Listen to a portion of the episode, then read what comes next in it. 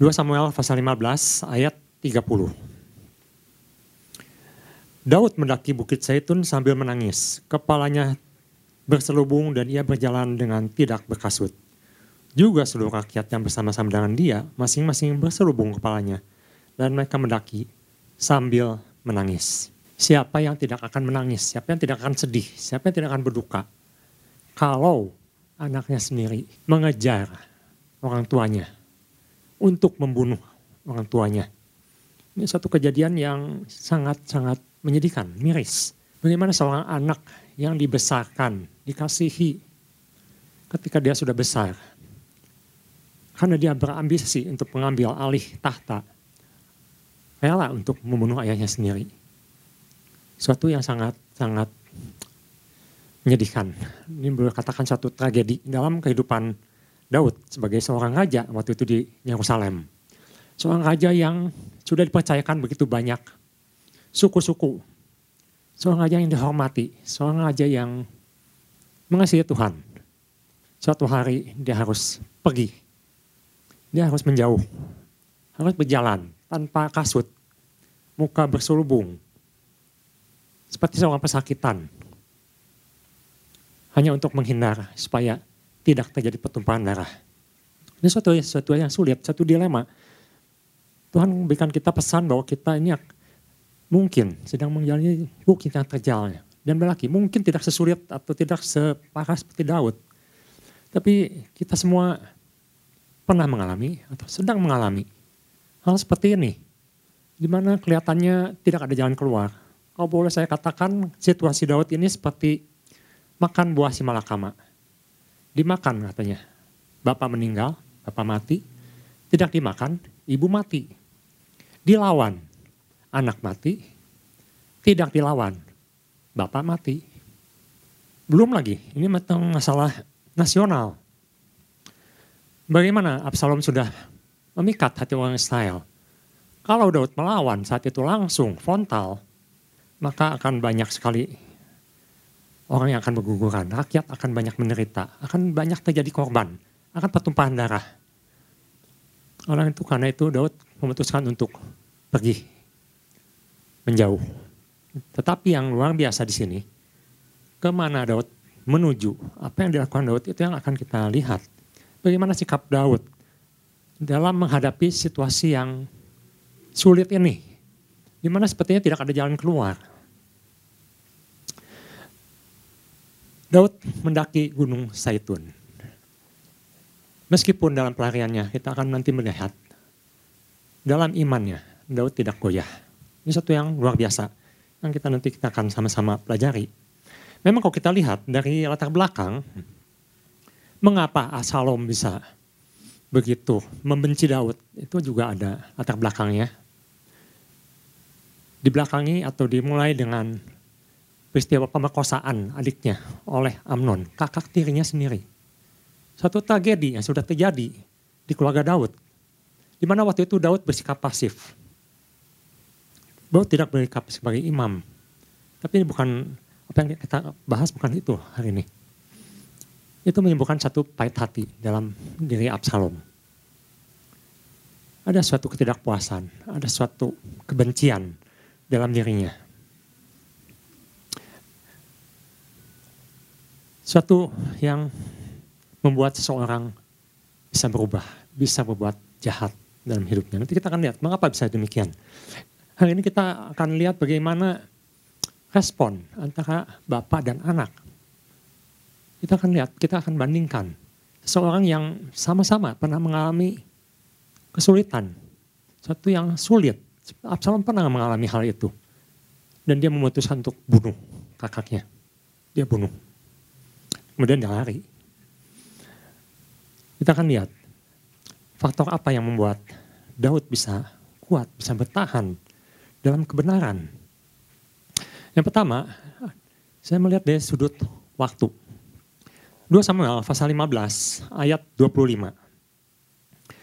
Lalu berkatalah raja kepada Sadok, bawalah tabut Allah itu kembali ke kota. Jika aku mendapat kasih karunia di mata Tuhan, maka ia akan mengizinkan aku kembali sehingga aku akan melihatnya lagi. Juga tempat kediamannya. Kapan? Tidak ada yang tahu. Ini menyangkut masalah waktu. Daud katakan, kalau Tuhan berkenan, aku akan kembali ke Yerusalem. Aku akan kembali ke rumah Tuhan. Aku akan kembali menyembah Tuhan di sana. Aku akan masuk dalam pelatarannya lagi. Kapan? Tidak tahu. Kalau kita lihat konteks ini, Daud waktu mengatakannya, dia tidak tahu. Waktu. Ketika kita mendaki, kita, kita mengalami satu hal yang sulit. Waktu siapa yang kita pakai? Waktu saya atau waktu Tuhan?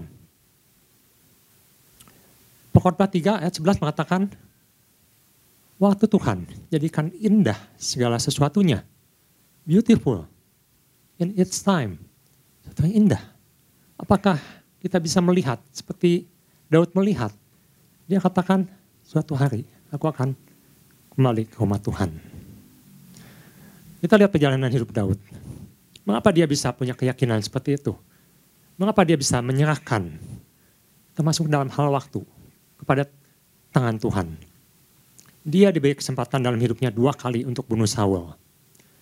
Waktu yang sangat tepat untuk membunuh Saul dan dia bisa langsung jadi raja. Beres, cepat, efisien, efektif. Tapi dia memilih untuk sabar.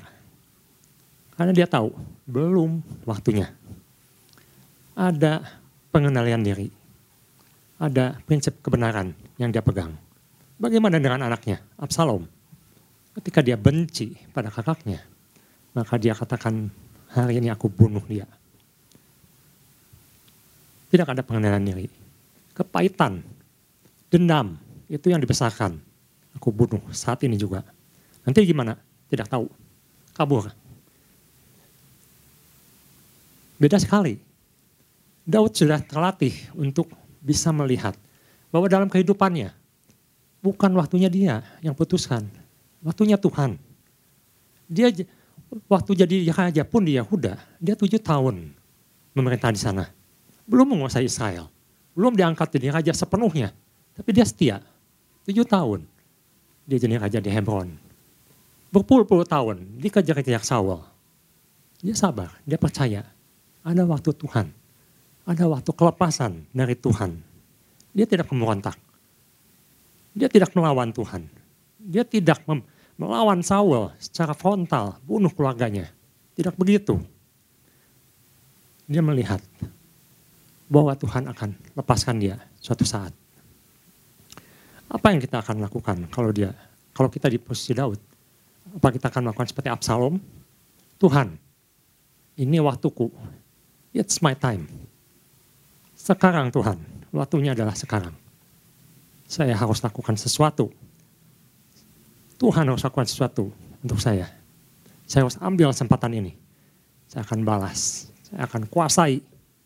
Saya akan menjadi jaya. Sekarang Tuhan, waktunya.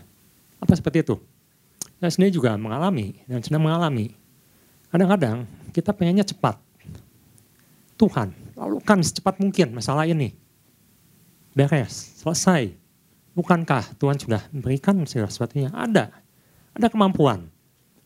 Daud ketika dia dikejar-kejar oleh Absalom, banyak pengikutnya yang masih setia dia.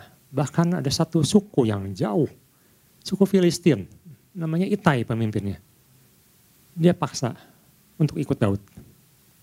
Maksudnya Itai sendiri yang memutuskan untuk ikut Daud. Sampai Daud katakan, kamu ini pendatang. Baru juga bisa tinggal bersama-sama di Israel. Masakan sekarang jadi pelarian lagi. Tapi Itai katakan, di mana rajaku ada, aku di situ. Luar biasa. Pendukungnya ada yang setia. Panglimanya kuat-kuat. Waktu Simei mempermalukan Daud, maka Panglimanya bilang, cukup satu pukulan saja, dia mati. Tapi Daud katakan jangan. Ya biarlah, Tuhan yang beracara. Itu yang sikap yang luar biasa. Ketika seorang menghadapi suatu tragedi, satu dilema, di mana kelihatannya tidak ada jalan keluar. Karena ini masalahnya sangat personal, pribadi. Tapi menyangkut juga masalah nasional. Salah langkah, hancur negara. Salah langkah, hancur keluarga. Bayangkan Absalom itu bukan cuma ingin ambil kuasa, dia ingin bunuh Daud. Dan kita tahu, kalau dia bunuh Daud, dia juga akan bunuh adik kakaknya. Akan semua akan dibabat habis. Dia nggak akan melepaskan. Karena kalau satu dilepaskan, dia akan takut, nanti dia akan balas dendam. Kelihatannya serius banget. Satu anak akan membantai seluruh keluarganya. Sama seperti ah, keluarga Gideon. Anak kuat itu ada satu anak, dia babat semua keturunan Gideon. Kenapa? Karena dia takut nanti ada yang balas dendam. Dia ingin berkuasa. Suatu yang sangat serius dan suatu yang sangat sulit untuk diputuskan. Baik sebagai seorang ayah maupun seorang pemimpin. Tapi kita lihat di sini. Satu pengharapan di mana Daud katakan, biarlah Tuhan yang mengatur kapan waktunya. Daud hanya memandang pada Tuhan. Bapak Gembala katakan, fokus hanya kepada Tuhan Jangan teralihkan. Suatu sikap yang luar biasa, satu respon yang menurut saya kita perlu teladani. Bahwa dalam kehidupan ini, kadang-kadang kita memaksakan diri untuk Tuhan. Turun tangan, tetapi kita yang mengatur. Kita yang kendalikan. Ada suatu kesadaran diri dalam diri Daud, siapakah aku ini? Coba kita bandingkan ya. Daud ini seorang gembala. Dia biasa mengembalakan. Dia tahu artinya digembalakan.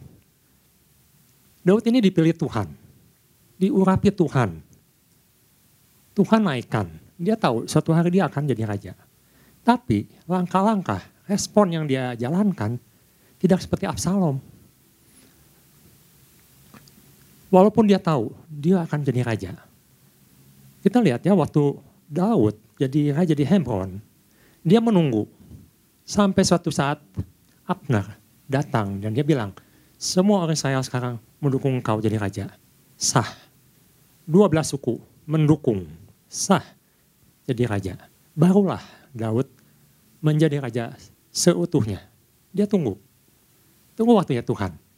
Dan dia sudah jadi raja. Dia tidak bunuh keturunan Saul. Bahkan dia memelihara Mephiboset yang jelas-jelas anak Saul.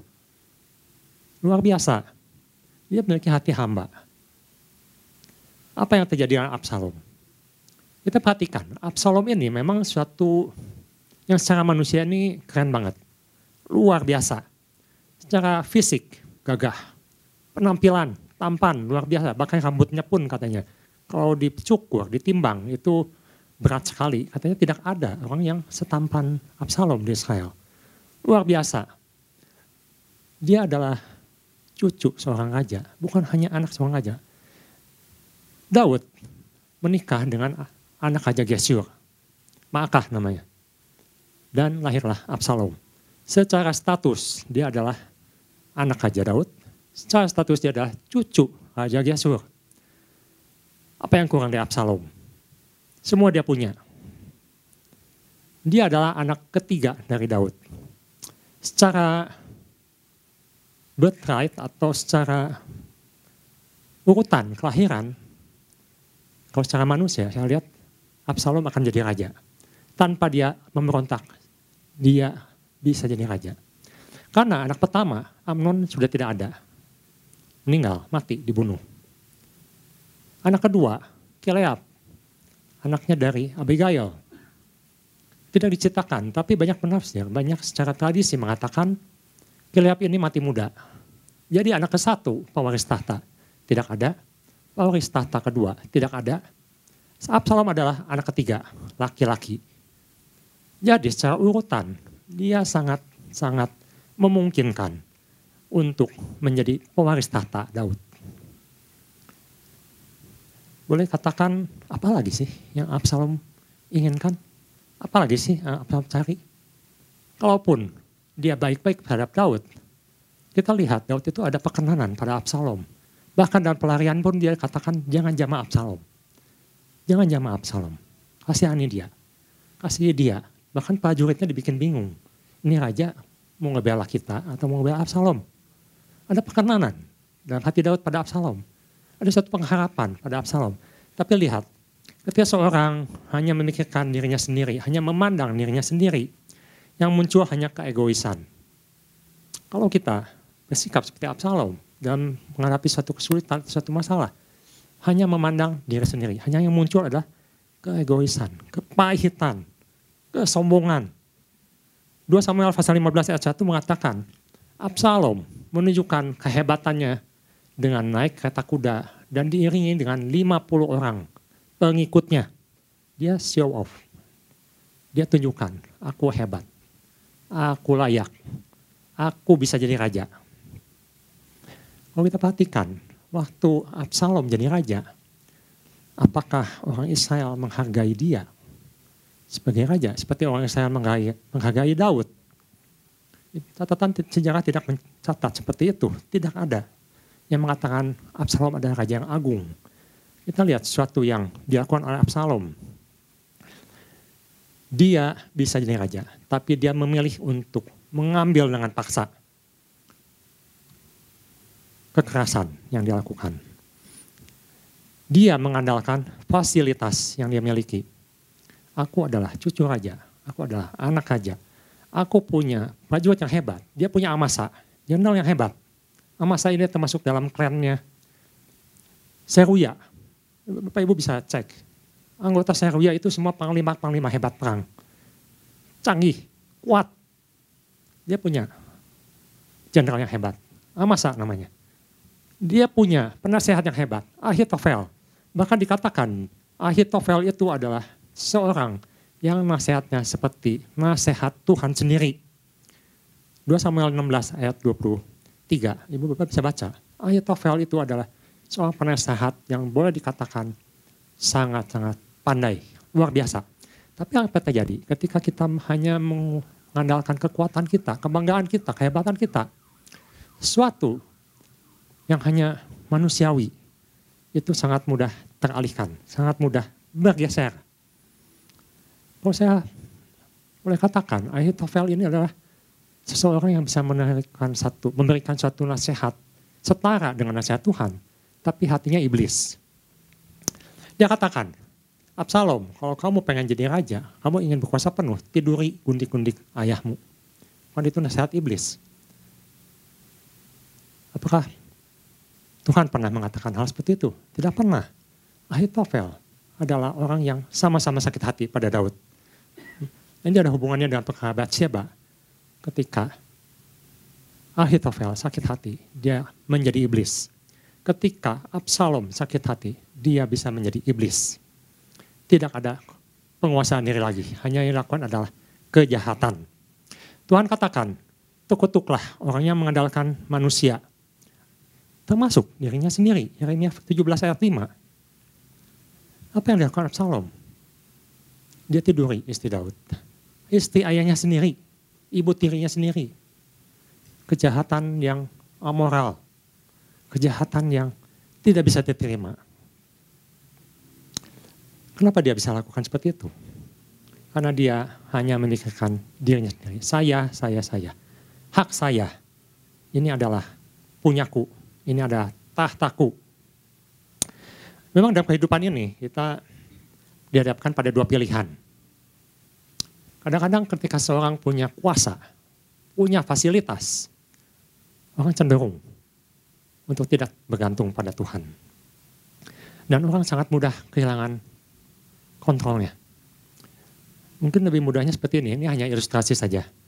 Kalau saya punya uang, di bawah 2 juta, mungkin saya hanya bisa beli HP Android sekitar 1,2 sampai 2 juta. Tapi kalau saya punya power, purchasing power saya naik, saya bisa beli yang 20 juta. Saya akan beli iPhone yang 20 juta. Tapi kalau saya purchasing powernya 100 juta, saya akan beli iPhone yang dilapisi emas atau terbuat dari emas yang harganya 100 juta. Apakah Bapak Ibu pernah lihat iPhone dari emas? Di sini mungkin kita jarang lihat ya. Tapi kalau di Dubai banyak. Jangankan iPhone, mobil dari emas banyak di sana. Ini adalah mengenai masalah pengontrolan diri. Apa yang kita bisa kontrol? Apakah ini suatu yang dibutuhkan, diperlukan, atau hanya satu keinginan? Absalom, dia punya keinginan, tapi dia tidak punya pengendalian diri. Berbeda sekali dengan Daud.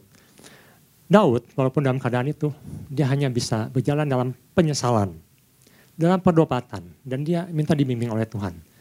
Dia katakan, nanti kita akan lihat di Mazmur 63. Dia katakan, mataku hanya memandang pada Tuhan. Aku akan menunggu waktunya Tuhan. Biar Tuhan yang membimbing aku. Aku akan berjalan, menanjak terus sampai di bukit, sampai di atas bukit. Setiap kesombongan, setiap pahit hati, itu bisa membuat kita menjadi iblis. Boleh diakui, Absalom ini adalah sesuatu yang hebat. Sesuatu yang luar biasa, sesuatu yang gagah.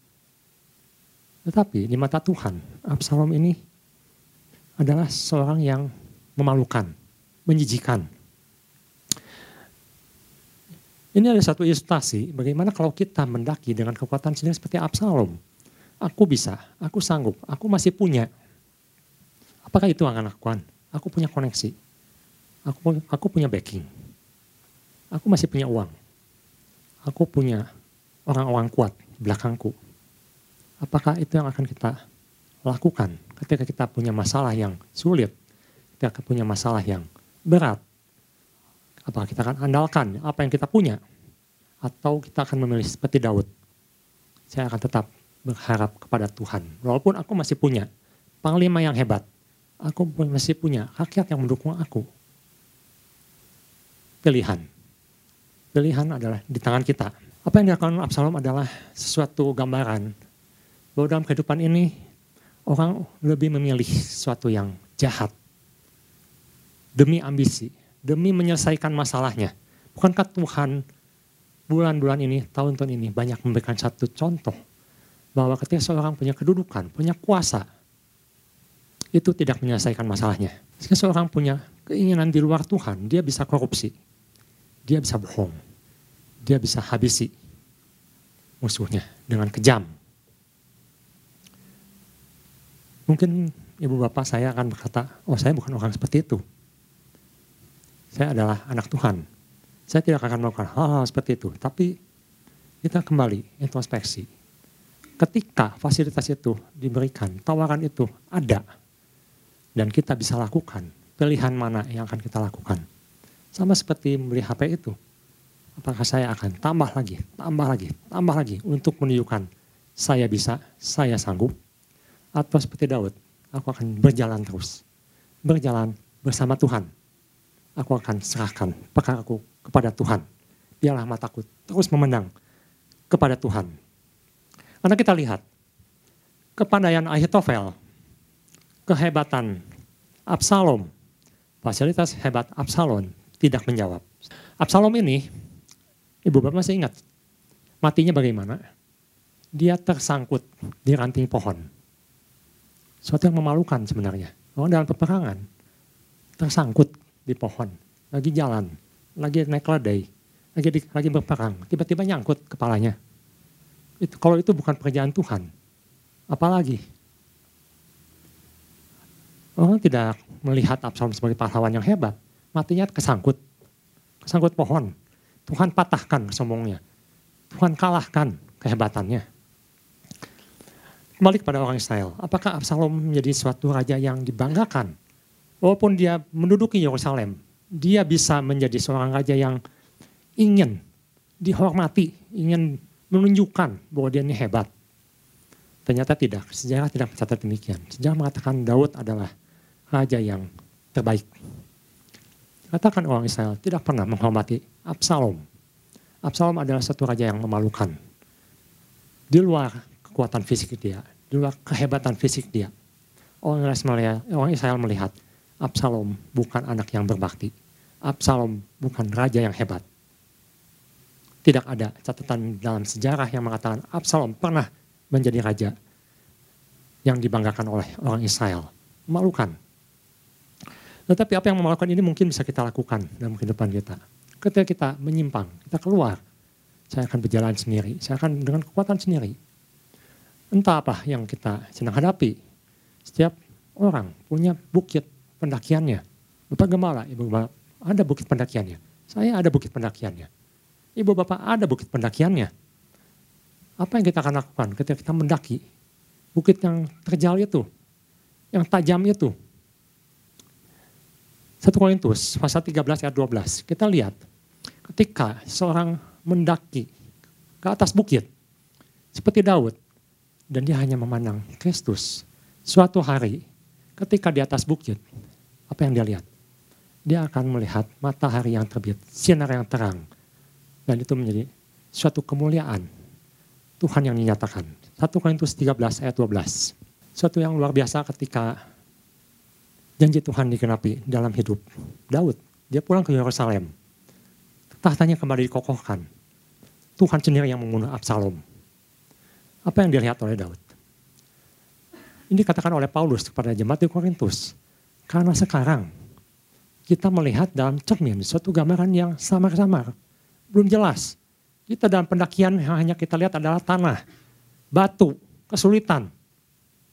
Kita belum sampai di ujung sana. Kita hanya bisa jalan setapak demi setapak melihat kesulitan, kesulitan, kesulitan. Entah itu sakit penyakit mungkin, persoalan keluarga, masalah dengan suami, dengan istri, dengan anak, masalah pekerjaan, masalah kesehatan. Kita hanya bisa berjalan selangkah demi selangkah, mendaki, mendaki, mendaki, belum jelas, masih samar-samar. Tapi di situ katakan, tetapi nanti kita akan melihat muka dengan muka, kita akan melihat Tuhan di sana, di ujung sana, di atas bukit itu, melihat terang itu. Sekarang aku hanya mengenal dengan tidak sempurna. Tetapi nanti aku akan mengenal dengan sempurna. Seperti aku sendiri dikenal. Jadi Paulus katakan apa yang kita alami sekarang ini memang mungkin kita belum mengerti. Daud belum mengerti mengapa anaknya bisa mau membunuh dia. Begitu kejam. Tapi Daud percaya di ujung bukit nanti dia akan melihat cahaya kemuliaan Tuhan. Dan itu Tuhan buktikan dalam kehidupannya. Dikembalikan posisinya dikembalikan. Dia bisa ke Yerusalem.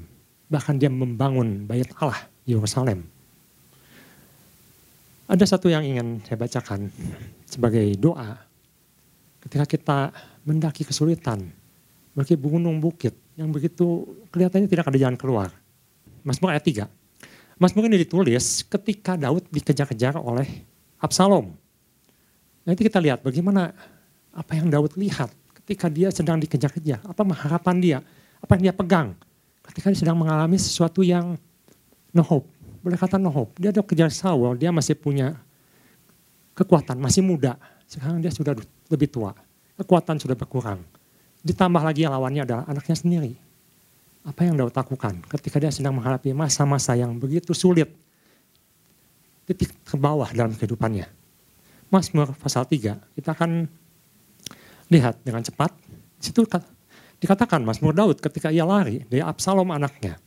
Ya Tuhan, betapa banyaknya lawanku, banyak orang yang bangkit menyerang aku, banyak orang yang berkata tentang aku, baginya tidak ada pertolongan daripada Allah.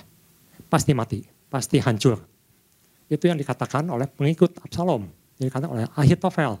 Itu yang dikatakan oleh orang-orang yang membenci Daud. Nah ini kita akan lihat ayat keempat. Tetapi engkau Tuhan adalah perisai yang melindungi aku.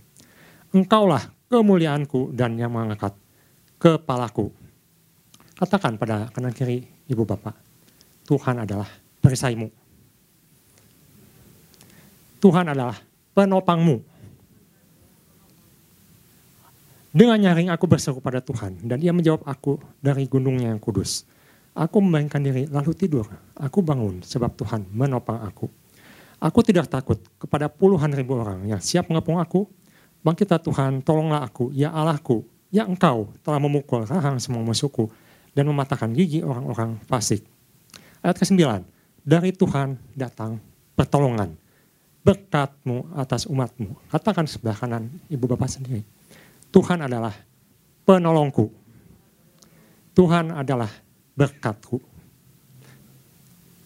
Jadi kita lihat ketika Daud dikejar-kejar Absalom dalam suatu keadaan yang orang katakan habis Daud kali ini. No hope, nggak ada harapan. Dibunuh, salah, tidak dibunuh, salah, lari, salah, tidak lari, salah. Semua serba salah. Tidak bisa ambil posisi. Tapi hanya satu yang dilakukan, dia memposisikan dirinya tetap benar di hadapan Tuhan. Jadi dia katakan, Tuhan adalah perisaiku. Meskipun aku tidak punya kekuatan lagi. Meskipun aku dikejar anakku, tapi Tuhan yang melindungi aku. Tuhan sumber pertolonganku. Tuhan adalah penopangku yang membuat aku kuat. Tuhan adalah sumber berkatku yang memberkati aku. Dan yang luar biasa, ini yang dikatakan Paulus ketika suatu hari kita akan sampai di bukit dan kita akan melihat kemuliaan Kristus. Di ayat kelima, dikatakan, dengan nyaring aku berseru kepada Tuhan, dan ia menjawab aku. Mari kita kata-katakan, Tuhan adalah jawabanku. 3, 2, 1. Tuhan adalah jawabanku. Inilah yang menjadi doa kita. Tuhan adalah jawaban kita. Kayaknya Tuhan memberkati.